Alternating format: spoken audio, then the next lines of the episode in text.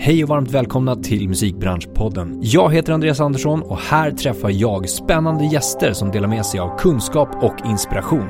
Podden produceras av DMG Education som är musikbranschens digitala kunskapsarena med utbildningar, kurser och coachning för dig som vill utveckla din karriär.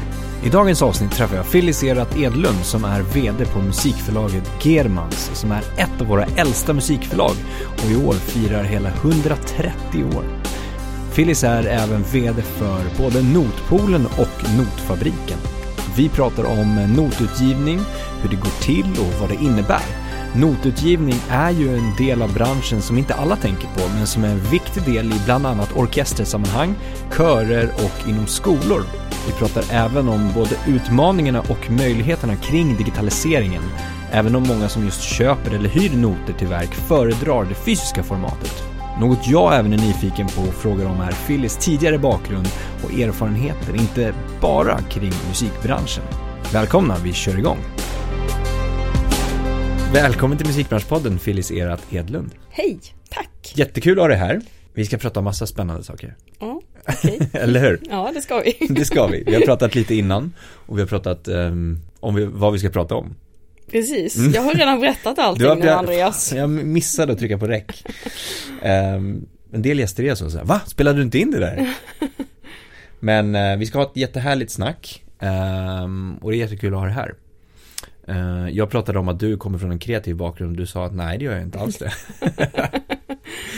Precis. Du gillar admin och, och teknik. Ja, det gör Eller jag. fel, fel sammanfattat. Nej då, nej men det är väl jättebra. Admin och teknik, det är ju två väldigt eh, intressanta områden tycker jag. Ja, Nej men eh, jag, jag har ju musikbakgrund.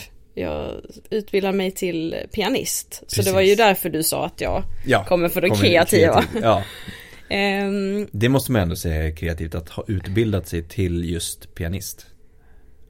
Ja, eller är det det? Jag vet inte riktigt. Alltså det är ju väldigt mycket jobb bara. Man ska öva, man ska lära sig saker. Så det är mer Eh. det, ja okej, det är liksom inte att skapa utan det är mer att Nej. spela andras verk Exakt, exempel. man ska Mm, tolka det andra har spelat. Det, Mm. det, det är ju, finns ju såklart att man ska uttrycka sig genom musiken när man spelar och så vidare. Men det är ju inte, jag skulle inte säga att det kreativa är det som liksom Nej, är eh, det man ägnar sig åt mest. ja, jag förstår. Du, man- Tänker du så här kreativ verkshöjd när du Eftersom du jobbar med förlagsverksamhet som vi kommer prata om sen också Mm.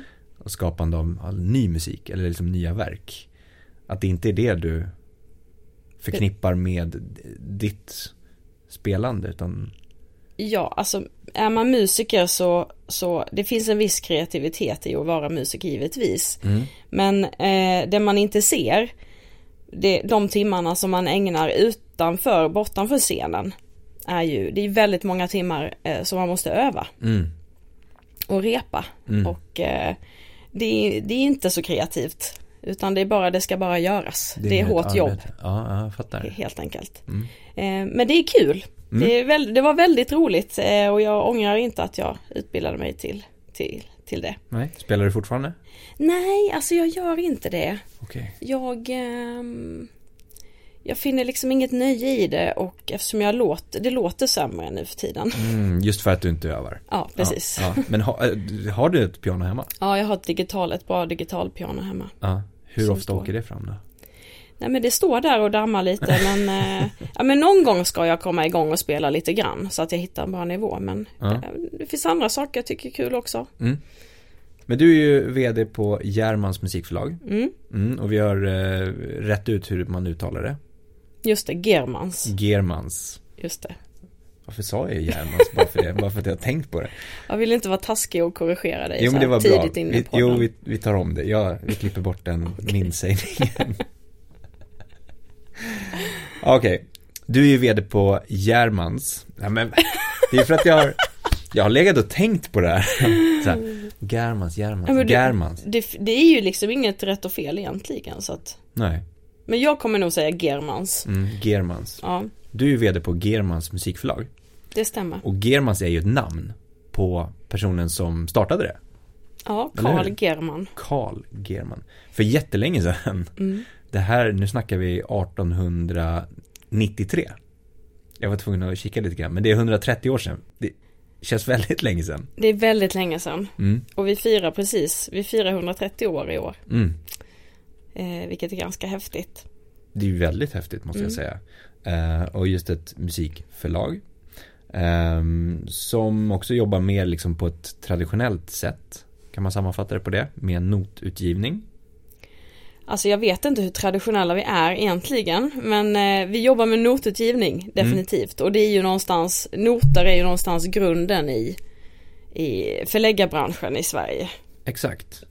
Så på så sätt ja, traditionellt men Mm. som förlag så vet jag inte om vi är traditionella. Nej. Nej, inte i ert arbete, men det ni liksom arbetar med som sagt då. Mm. Ehm, för som vi pratade om innan, det är en viktig del att förstå vart det kommer ifrån på något sätt. Notutgivning, varför har det funnits?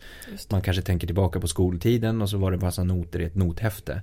Men det var ju en gång i tiden den, den enda eh, det enda sättet man kunde uppleva musik. Att spela den själv. Mm. Eh, för att det inte gick att spela in musik. Eller det fanns inte den tekniken än. Ehm, så att, att, att bara förstå sig på vart det kommer ifrån är ju viktigt. Ehm, vi pratade om arv och, och föra vidare men att det är inte det du ser det riktigt som.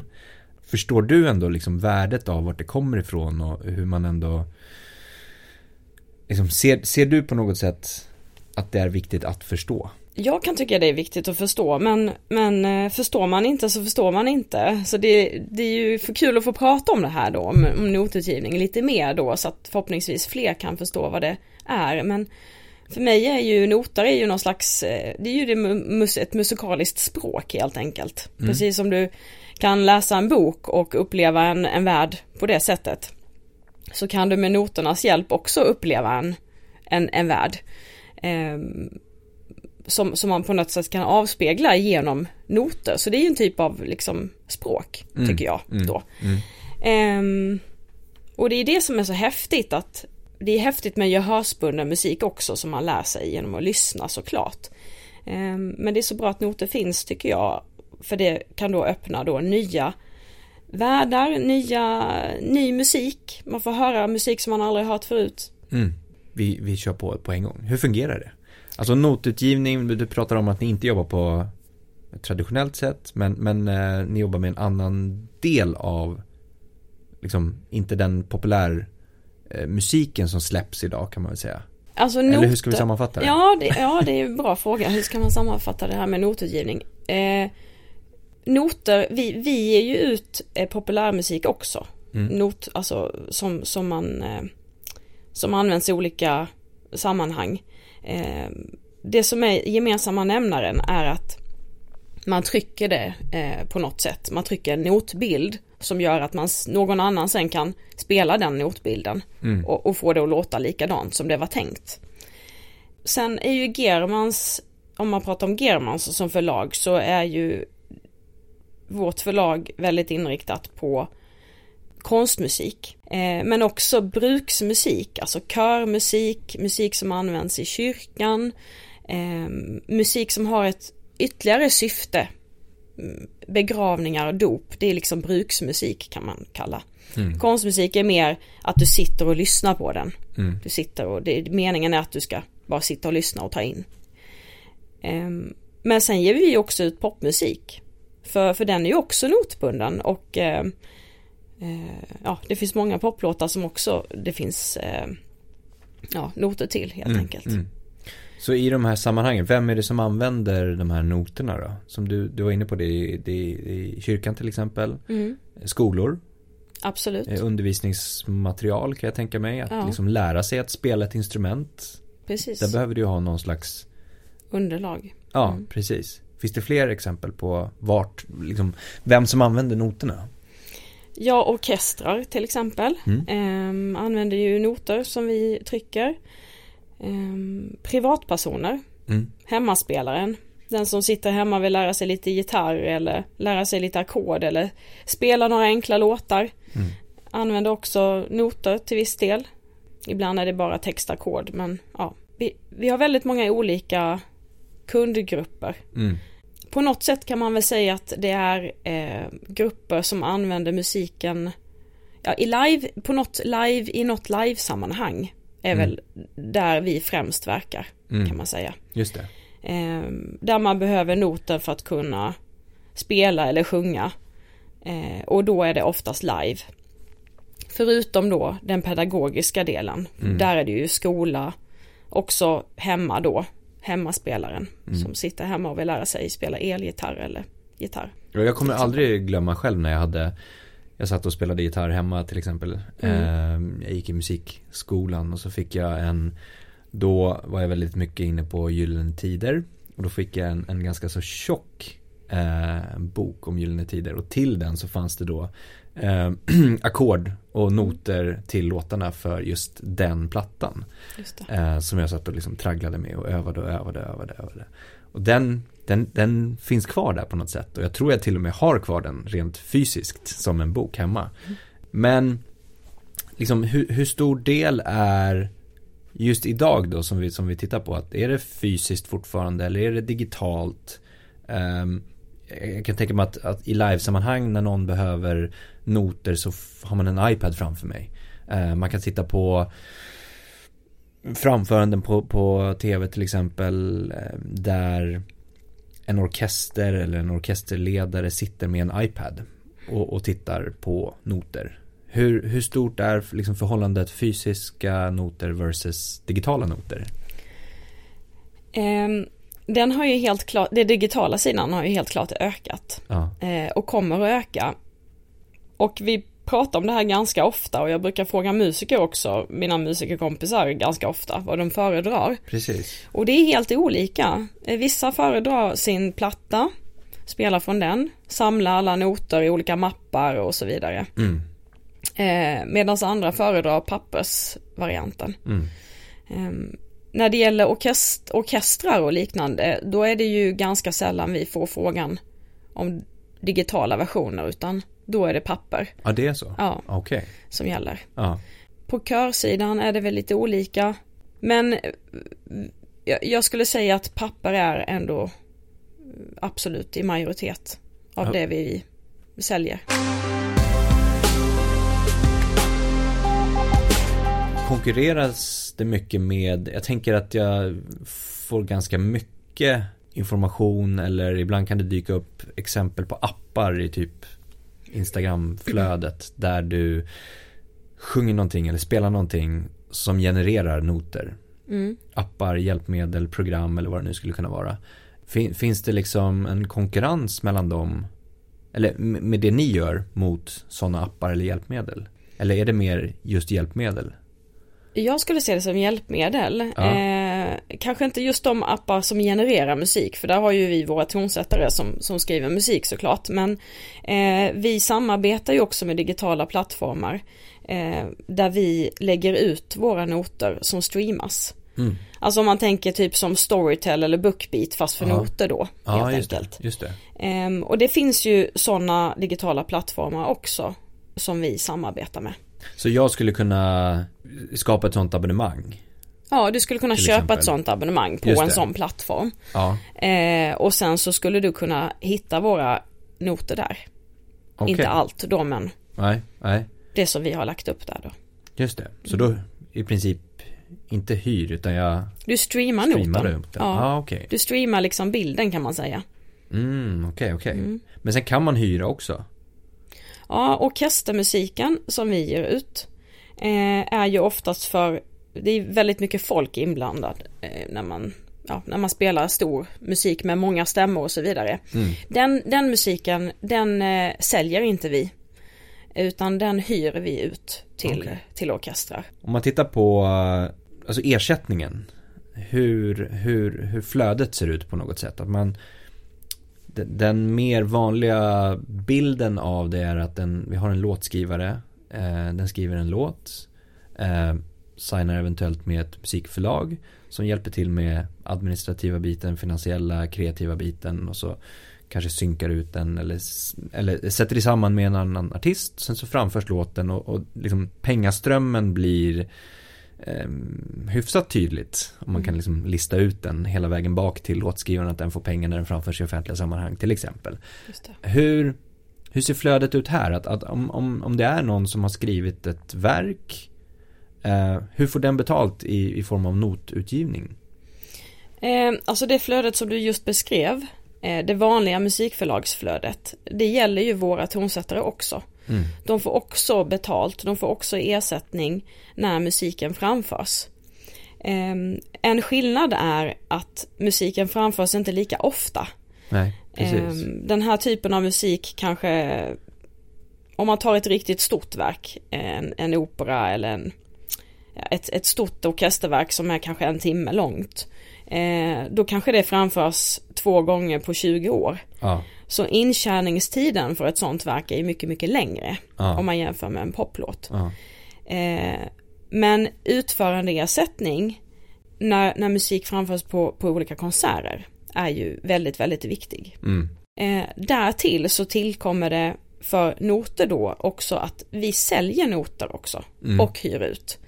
Ehm, så det som är en skillnad från vanliga förlag, om jag nu kallar det för, eller för, för popförlag då Mm, i. Sverige till exempel, det är att vi är också e-handlare.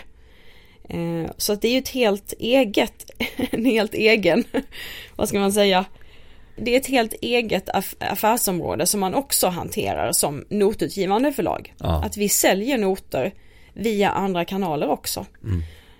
Eh, så du, du ska ha en webbshop, eh, du ska trycka och skapa produkter Mm. eh, som, som eh, ja, du måste skapa en produkt. En, eh, vare sig den är fysisk eller digital så måste du ändå göra en produkt med omslag och eh, layout och, och hela den biten.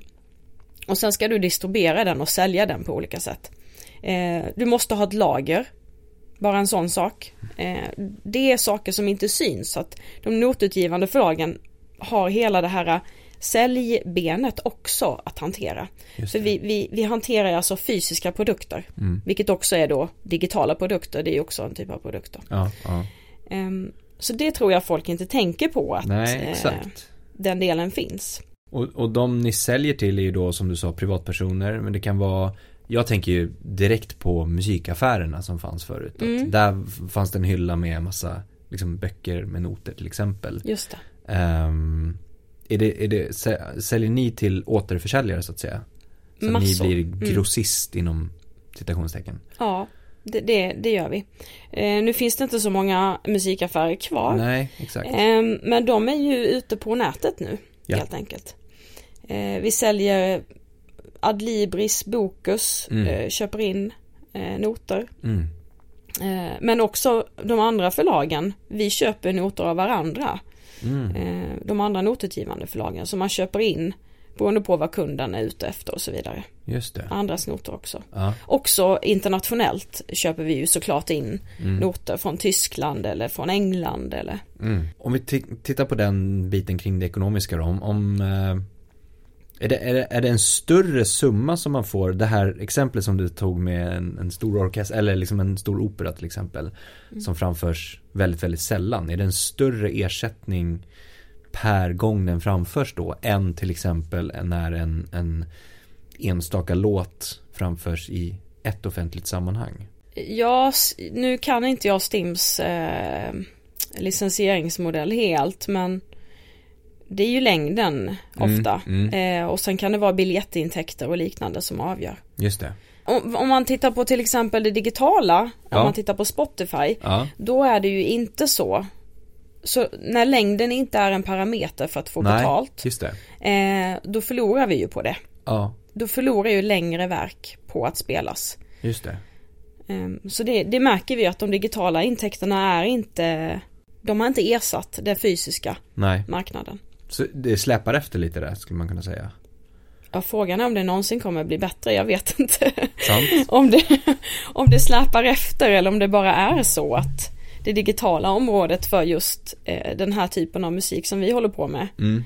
alltid kommer vara eftersatt. Mm. Den, den har ju det är ju lite smalare musik på många sätt så att det är ju inte lika många lyssnare. Mm. Eh, och eh, streamingsajter som Spotify och liknande de, de bygger ju på att många ska lyssna. Det är ju så intäkterna genereras. Mm. Så att eh, hela den modellen funkar inte riktigt för, för konstmusik eller för den typen av musik vi håller på med. Nej. Tror jag. Just när det, om det är popmusik så är det en annan sak men om det är ja, med konstmusiksidan. Det här med om man tittar på ett, ett ben som du sa, vi kallar det för popsidan då. Mm. Eh, så, så, så, är det ju väldigt mycket fokus på A&R, man ska signa en, en, ny låtskrivare och vara i studion och feedbacka på en låt till exempel och det kreativa och sen ska det administrativt registreras verken och sen ska det släppas och sen ska det samlas in pengar och sådär. Det är väldigt liksom så. Mm. Eh, hur fungerar det på ena sida? Eh, kommer någon, en, en, en, en låtskrivare till er, en musiker till er och säger Hej jag skulle vilja släppa det här. Mm. Eller jobbar ni åt andra hållet också, att scouta? Ja det gör vi. Vi, ska, vi scoutar och eh, det kommer eh, tonsättare kallar vi dem ja, till precis. oss. Ja. Mm. Eh, och eh, vi har ju ett, eh, ett gäng tonsättare som vi arbetar närmare med kan man säga. Och, eh, men sen så försöker vi också hitta nya, mm. ny musik. Och då handlar det om att precis som eh, låtskrivare skickar in demos mm. så skickar eh, tonsättare in manus till oss, notmanus. Okay. Eh, som vi går igenom helt enkelt. Har, då har ni någon som sitter och liksom Spelar ni upp det eller läser ni det? Eh, jag kan inte läsa så och höra vad det är för musik men vi har folk på förlaget som, som kan eh, Som, som läser kan det. det då? Ja, som läser det. Okay. Eh, men Det där tycker jag är så imponerande på något sätt. För jag, jag har tänkt på det väldigt, väldigt många gånger. Att så här, hur, hur fungerar den processen i den personens hjärna? Eller liksom, hör den det den läser? Eller är det ett annat språk så att den bara läser och förstår på något sätt? Är du med på vad jag menar? Ja, nej jag, eh, ja, men det är väl som att läsa en bok tänker jag. Om man bara jo, gör det tillräckligt ja, mycket liksom. Mm, mm. Vet du vad? Vi föredrar också när folk skickar ljudfiler till ja. oss. som komplement. Ja, exakt. Eh, det, det, gör vi. Mm. Men i och med att det ska bli en produkt som ska tryckas eh, så är ju notbilden väldigt viktig. För mm. då måste vi kolla att den är i bra skick. Att, eh, hur ser layouten ut? Right. Är det fel i, i notbiten, i själva notbilden? Ah. så att det finns väldigt mycket musikteori och analys bakom eh, själva notbilden också. Men, men för att höra snabbt om en låt är värd att ge ut, om vi kan göra någonting bra för den, eh, för, de, för den låten, eh, då, då är det ju väldigt trevligt att få ljudfiler såklart. Ja. Finns det tillfällen då ni säger att nej men det här var inte tillräckligt bra eller det här passar inte oss att ge ut eller Ja, alltså vi säger kanske inte att någonting inte är tillräckligt bra. Det, eh, men det kan handla om att det inte passar vår utgivningsprofil. Mm. För eh, Germans till exempel associeras ju ändå med en viss typ av musik. Mm. Eh, så att det kan vara att den kundgruppen som skulle köpa just den här musiken inte eh, söker sig till oss. Då kanske Nej. det finns andra förlag som, som det här verket då skulle passa bättre hos. Ibland så handlar det om att vi inte har tid. Eh, för att vi redan har ett, eh, ja, att våra resurser inte räcker till. Vi håller på med utgivningar och produkter mm. som det är. Mm. Ehm, så då kan det handla om att man ber någon vänta eller att vi inte har tid. Ja, så det, det, finns, det finns väldigt många olika parametrar som avgör om vi ska ge ut ett, ett verk eller inte. Mm. Eh, såklart att vi också försöker eh, ta reda på om, om, om, eh, om verket kommer sälja. Alltså jag tänker på, äh, äh, vid utgivning sen då, är det bara Finns det tillfällen då det, det, det både, både, finns en inspelning som ska ges ut och noter som ska ges ut i kombination? Um, ibland kan det vara så att eh, tonsättaren säger att det är planerat att spelas in också. Just det, ja, ah, okej. Okay. Ja. Men, Men det är inte någonting som det är ingen förutsättning för, för oss att... Nej. Ja. Nej, så att det, egentligen är grunden, alltså tonsättningen. Ja, du kan inte spela in om du inte har noterna. Nej. Det är det som är grejen att om du inte trycker noterna eller ja, då, då finns det inget eh, underlag som, som gör att en musiker kan spela in musiken. Så det är ju lite det som är grejen att notutgivningen gör så att musiken kan tillgängliggöras och spelas upp och på så sätt få utförandeintäkter. Men det måste finnas där, annars, annars kan du inte Nej. höra musiken.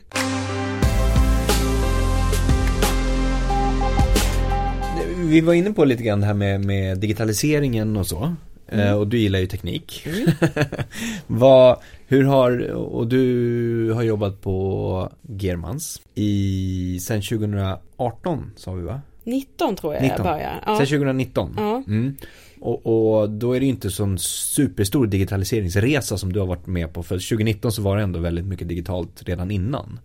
Men vad var eh, notutgivnings liksom branschen, mm. kan man kalla det för det. Vad mm. har varit de stora utmaningarna med, med digitaliseringen där? På, på många sätt så är ju Germans, eh, vi har ju hela vår produktionsprocess, alltså hur vi trycker noter är ju väldigt digitaliserad idag. Det, och för att ge ett exempel på det då ja. att när en kund köper, vi, vi, vi trycker inte böcker och lägger på lager. Utan när, när en kund köper noten, då trycks den. All right. eh, det kallas för print on demand. Eh, så på så sätt så har Germans kommit väldigt lång i sin, långt i sin digitala resa vad gäller tryck, mm. hela den processen.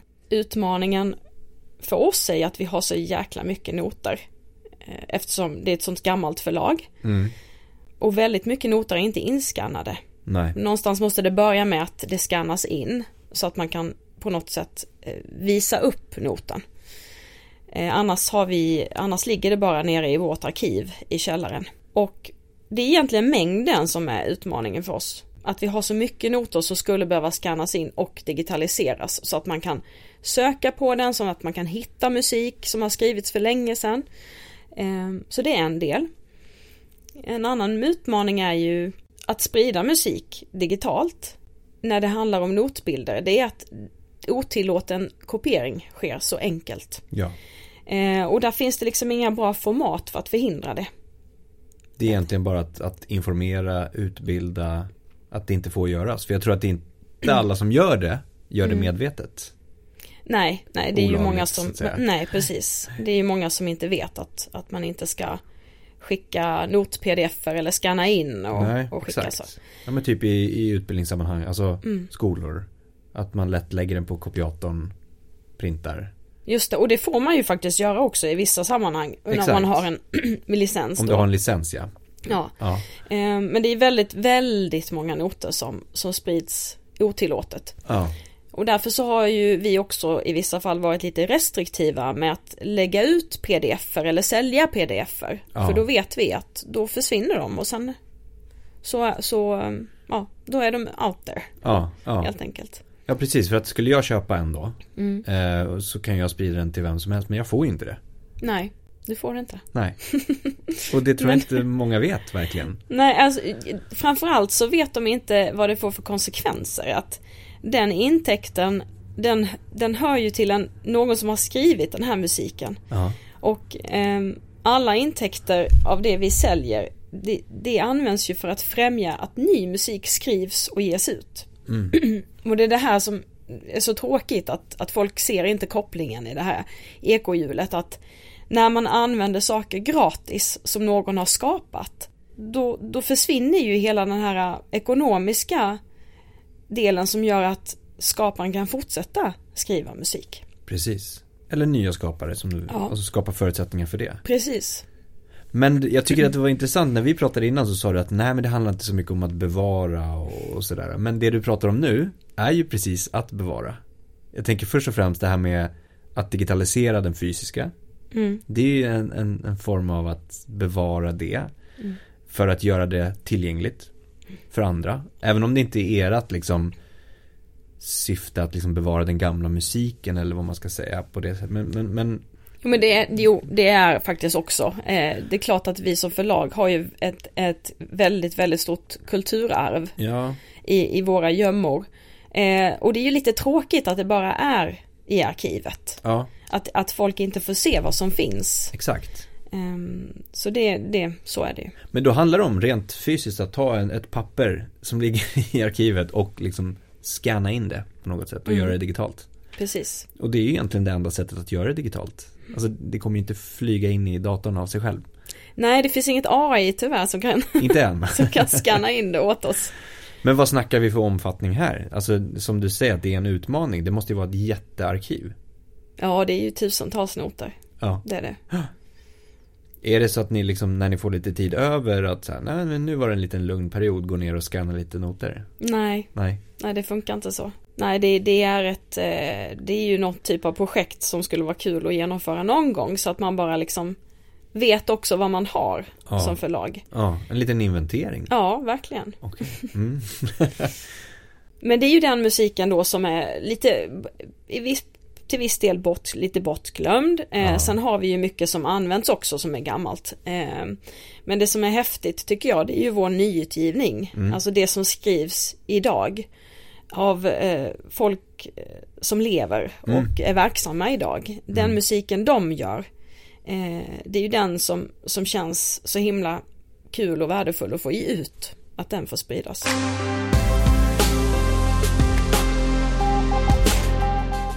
Du var inne på att du gillar det digitala. Mm. Mm. Och vi har ju pratat mycket om liksom, utmaningarna med digitalt skapad musik till exempel.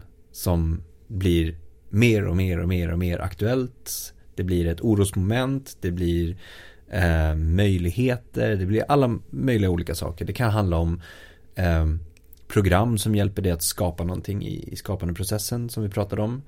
Så som AI-skapad musik. Eh, det kommer förmodligen gå ganska snabbt nu också. Vad ser du, ni jobbar ju mer, liksom i allra högsta grad med mänskligt skapad musik av tonsättare som faktiskt sitter ner. De kanske inte behöver sitta ner. De kan stå upp eller de kan sitta ner eller ligga ner. Jag vet inte hur deras eh, process med att eh, skapa sina verk ser ut. Eh, men vi förstår i alla fall vad vi menar. Att det är fysiska människor än så länge. Vad, vad, vad tror du själv om liksom förhållandet här och utmaningarna med det här som kommer här kontra de fysiska liksom, tonsättarna? Nej, jag vet inte. Än så länge så har jag nog mest sett AI som, som möjlighet, eh, som en möjlighet. Ja, Att, att, de, att AI ska ersätta eh, det konstnärliga skapandet. Det är inte jag, jag vet inte, det är ingenting som jag funderar på speciellt mycket utan jag tänker mer att AI ska vi ju se som ett hjälpmedel som kan användas för att sprida musiken lättare. Hur får man eh, musiken att spelas mer? Om du inte kan samla ihop 40 musiker. Att, att spela upp musik. Mm. Kan, kan ett AI hjälpa till där? mm. Eh, kan en AI eh, göra en schysstare midi-fil som låter liksom lite roligare än, än, än en midi-uppspelning till exempel. Mm. Där tänker jag att där, där skulle det vara väldigt häftigt att se AI i utvecklingen. ja, Eh, få ett AI att läsa en notbild och Exakt. spela upp det. ja. Det skulle ju vara väldigt, väldigt spännande att se om, om den kunde göra det. Mm. Men du tror inte att det kan bli liksom om man eh, nu som, som den här ChatGPT där du kan fråga om allt möjligt och liksom skriva en artikel om det här till mig eller liknande. Ehm, samma sak att eh, ja, vi pratade om att den här podden inte kommer behövas heller. Alltså man kan, man kan skriva och säga, skapa ett poddavsnitt med de här rösterna om förlagsverksamhet. Mm. Ehm, på samma sätt skapa ett orkesterarrangemang eh, med de här inspirationerna. Så att inputen är liksom från tonsättaren. Verktyget genererar det här orkesterarrangemanget med både ljudfil och eh, liksom noterna. Mm. Och, och, och att det är någonting som ges ut sen. Det är ju stor, stora, stora utmaningar fortfarande med det här eftersom det är så pass färskt. Mm. Det är ju väldigt spännande utveckling. Ser du någon, eh, jag vet inte, ser du någon liknande? Alltså jag ser, ingen, jag ser inget eh, läskigt med det du beskriver Nej. eh, så för att jag den nyskrivna musiken idag Mm. Den konkurrerar redan med också väldigt gammal musik. Eh, musik som har skrivits av ja, gubbar som levde för flera hundra år sedan. Gärna tyska. Eh, så att konkurrensmässigt ser jag inte att AI-skriven musik skulle vara liksom ett hot. Skapas det så skapas det. det. Det beror väl lite på vad folk vill ha också, hur det låter. Det, det vet man inte, kanske är svinbra, eller så är det inte det. Ehm, jag tycker det är viktigare att, att musikens värde av de som faktiskt försöker försörja sig på musik, skriva musik, att deras möjligheter att tjäna pengar på den, eh, där tycker jag det finns en, en hel del kvar att göra. Särskilt då på konstmusiksidan på ja, den musiken som är notbunden då. Mm, mm. Vad, vad, skulle kunna finnas där att göra till exempel då? Ja men intäktsnivåerna, det, det, det de är ju inte eh, på långa vägar eh, på samma sätt som live till exempel. Nej, nej. Eh, och det funkar då dåligt för musik som inte spelas ofta.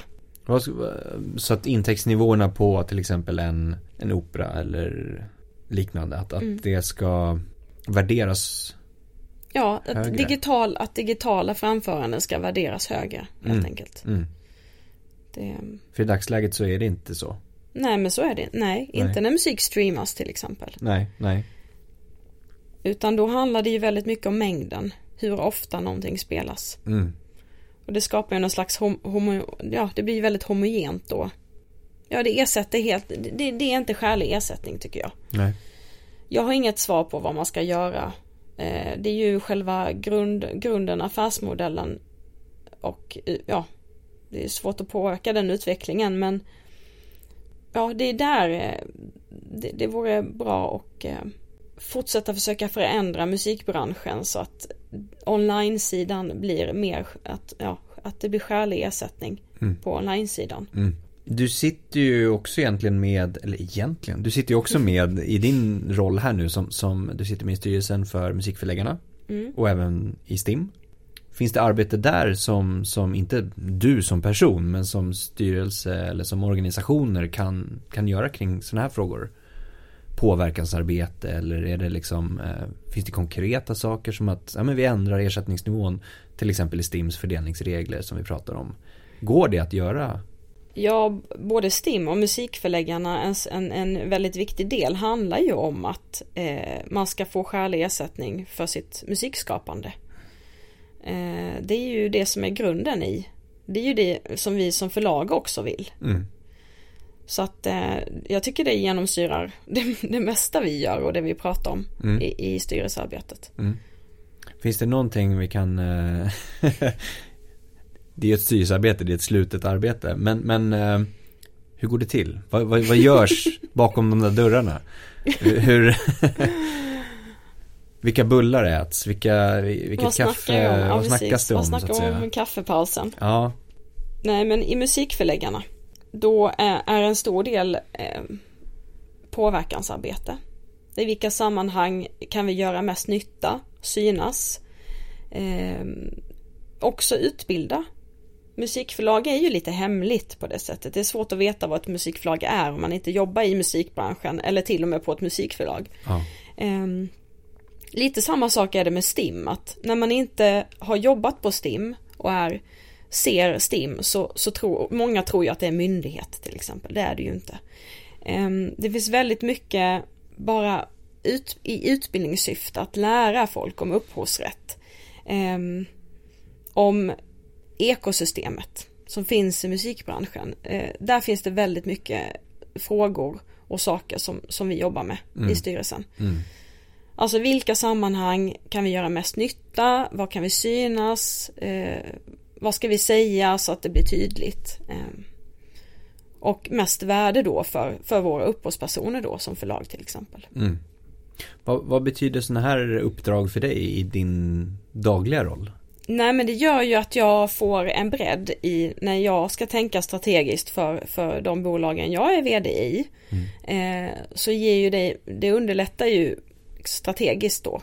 Eh, om man har koll på vad som är dagens utmaningar eller kommande utmaningar eller ja, vad som ligger i, i, eh, i pipeline. Ja, det är omvärldsanalys egentligen. Mm. Mm. Det, ju, det har man ju nytta av på alla sätt. Sen så är ju jag med i de här styrelserna säkert för att jag också har en viss bakgrund och en, en viss erfarenhet med mig i bagaget. Mm. Men så också som... Ja men att jag har jobbat på STIM till exempel. Eh, och nu är jag musikförläggare sedan snart fyra år så att ja. Din roll som vd mm. Eh, blir ju mycket att blicka framåt. Strategiskt arbete. Hur ska vi göra det här? Vad ska vi fokusera på? Omvärldsanalysen. Vad är liksom vad är det vi behöver ha koll på eller vad ska vi sålla eller mm. så. Samtidigt som att driva organisationen framåt. Um, vad, vad, Vad är det roligaste i, i arbetet? Det roligaste, måste jag välja en sak? du får sammanfatta flera. Vi pratade lite grann så här, vad brinner du för? Ja, I början, precis. men då, Ja, då nämnde du ja. väldigt många saker som du ändå tycker är kul ja, i jag tycker det mesta är roligt faktiskt. Nej men eh, allvarligt så, ehm, alltså jag måste ju bara slå ett slag för vd-rollen generellt, att den är ju väldigt rolig.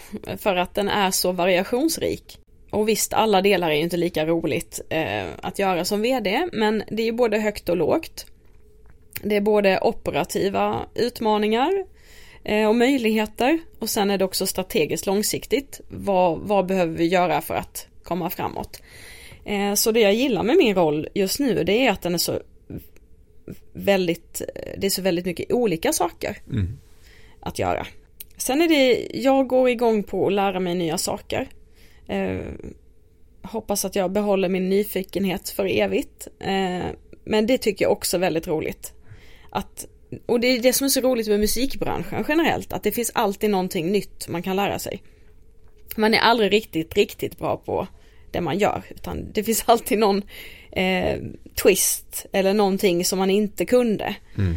Eh, om man tittar på upphovsrättssidan, liksom, vem kan den helt?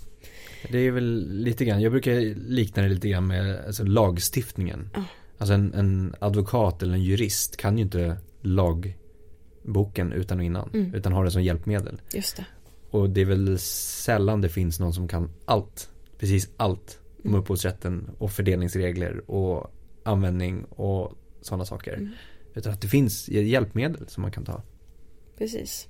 Men vad, vad tror du där? Vi stannar lite grann. Vad, Mm. vad tror du är viktigt att ha koll på där? Inom upphovsrätten? Ja, de alltså grundläggande, fundamentala bitarna. Nej men det är viktigt och, och att det är eh, att ersättningen är skälig. Eh, att det går rätt till. Eh, tycker jag är viktigt. Eh, att det finns avtal på plats som är schyssta. Och sen är det att hela flödet ska fungera. Det är ju liksom en evig kamp. Att se till att eh, musikanvändare musikrapporterar till exempel Mm. det är så, så många gånger som musikanvändare inte musikrapporterar för att det är ytterligare administration och man struntar i det. Man förstår inte konsekvensen av, av det helt enkelt.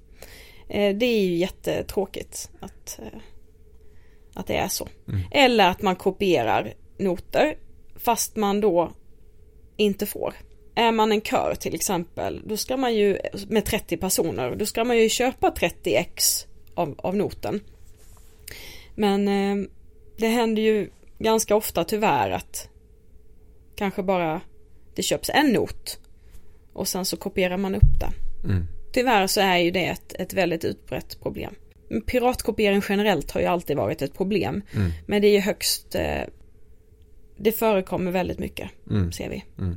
Också när vi liksom analyserar vad folk handlar i vår webbshop till exempel. Då kan man ju se vissa mönster ganska lätt. Ehm, så att ja, nej men det är trist och det har ju med att folk inte vet vad, vad det får för konsekvenser för musiklivet, för, för de som skapar musik. Att det minskar förmågan för förlag också att ge ut Mm. mer musik. Det är ju det vi vill, vi vill ge ut ny musik, främja den svenska musiken. Liksom.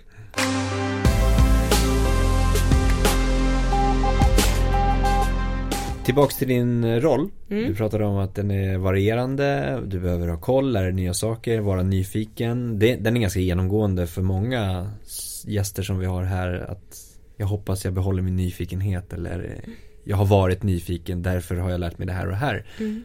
Hur balanserar du själv då att, att vara i framkant och nyfikenhet, kolla strategiskt, titta framåt, vad gör vi? Samtidigt som du behöver ha koll på det ni gör i arkiven inom citationstecken eller rent fysiskt i arkiven eller det operativa arbetet på kontoret. Mm. Hur, hur balanserar du din, din tid och energi där?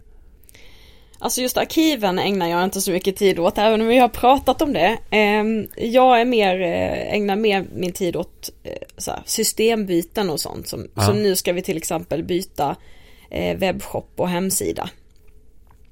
Det är ju, det, det kräver ju en del arbete. Mm. Eh, Så det är ju mest sånt jag håller på med som inte syns faktiskt.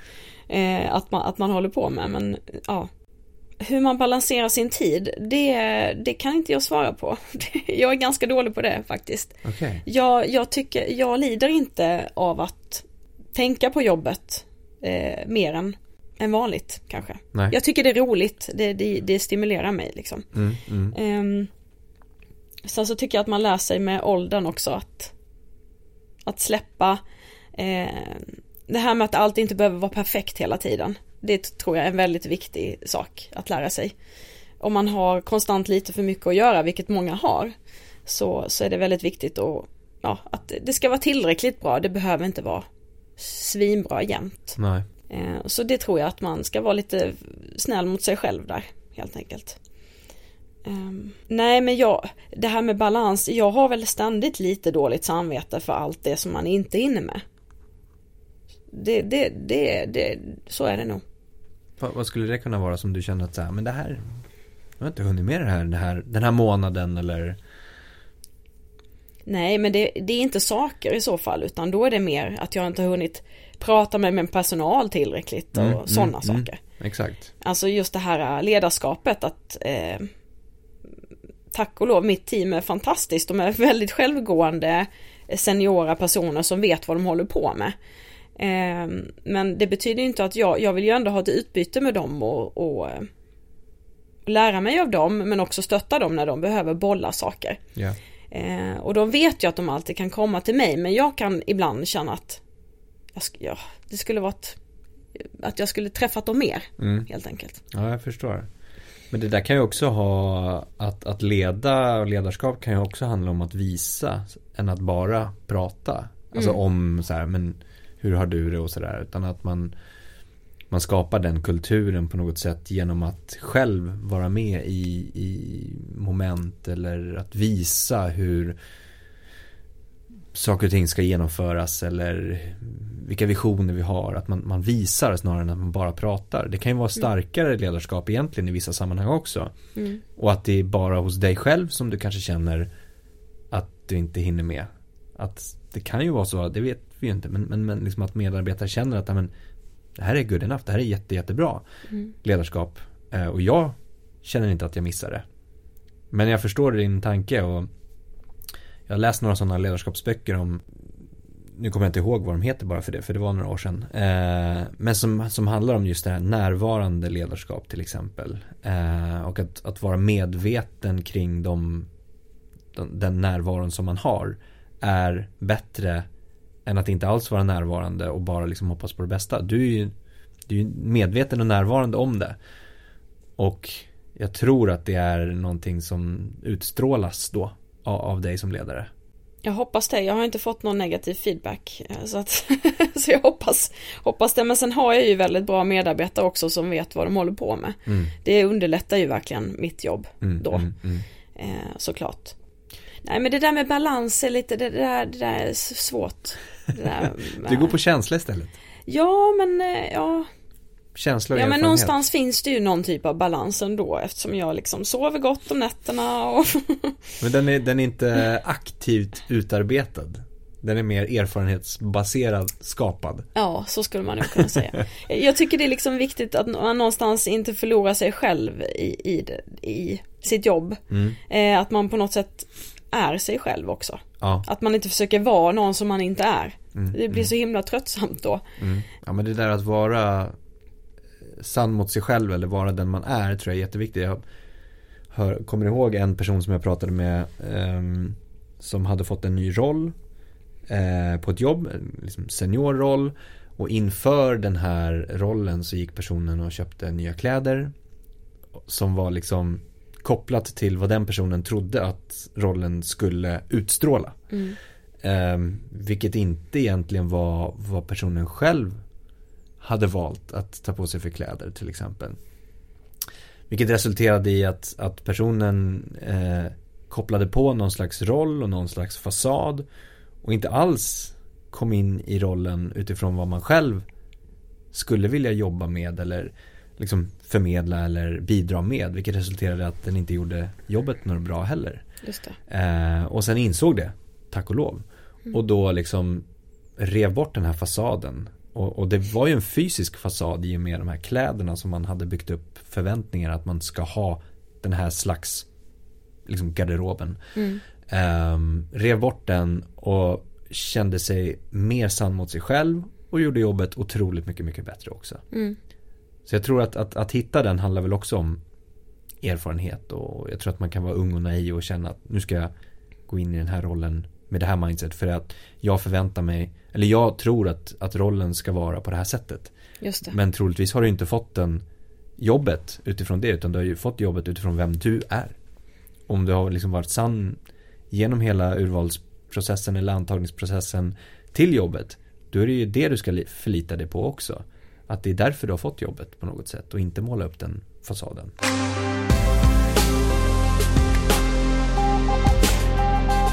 Du, vi pratar om att du inte kommer från en kreativ bakgrund då. Mm.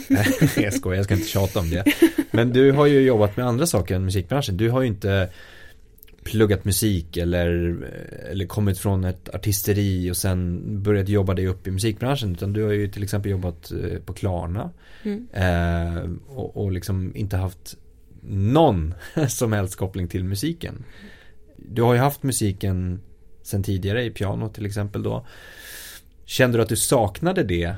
Liksom, har, har du varit ute och, och, och slirat i Klarna-tiden och sen ville hitta tillbaka? Eller har det mer varit att eh, bygga erfarenhet och liksom från, från andra håll?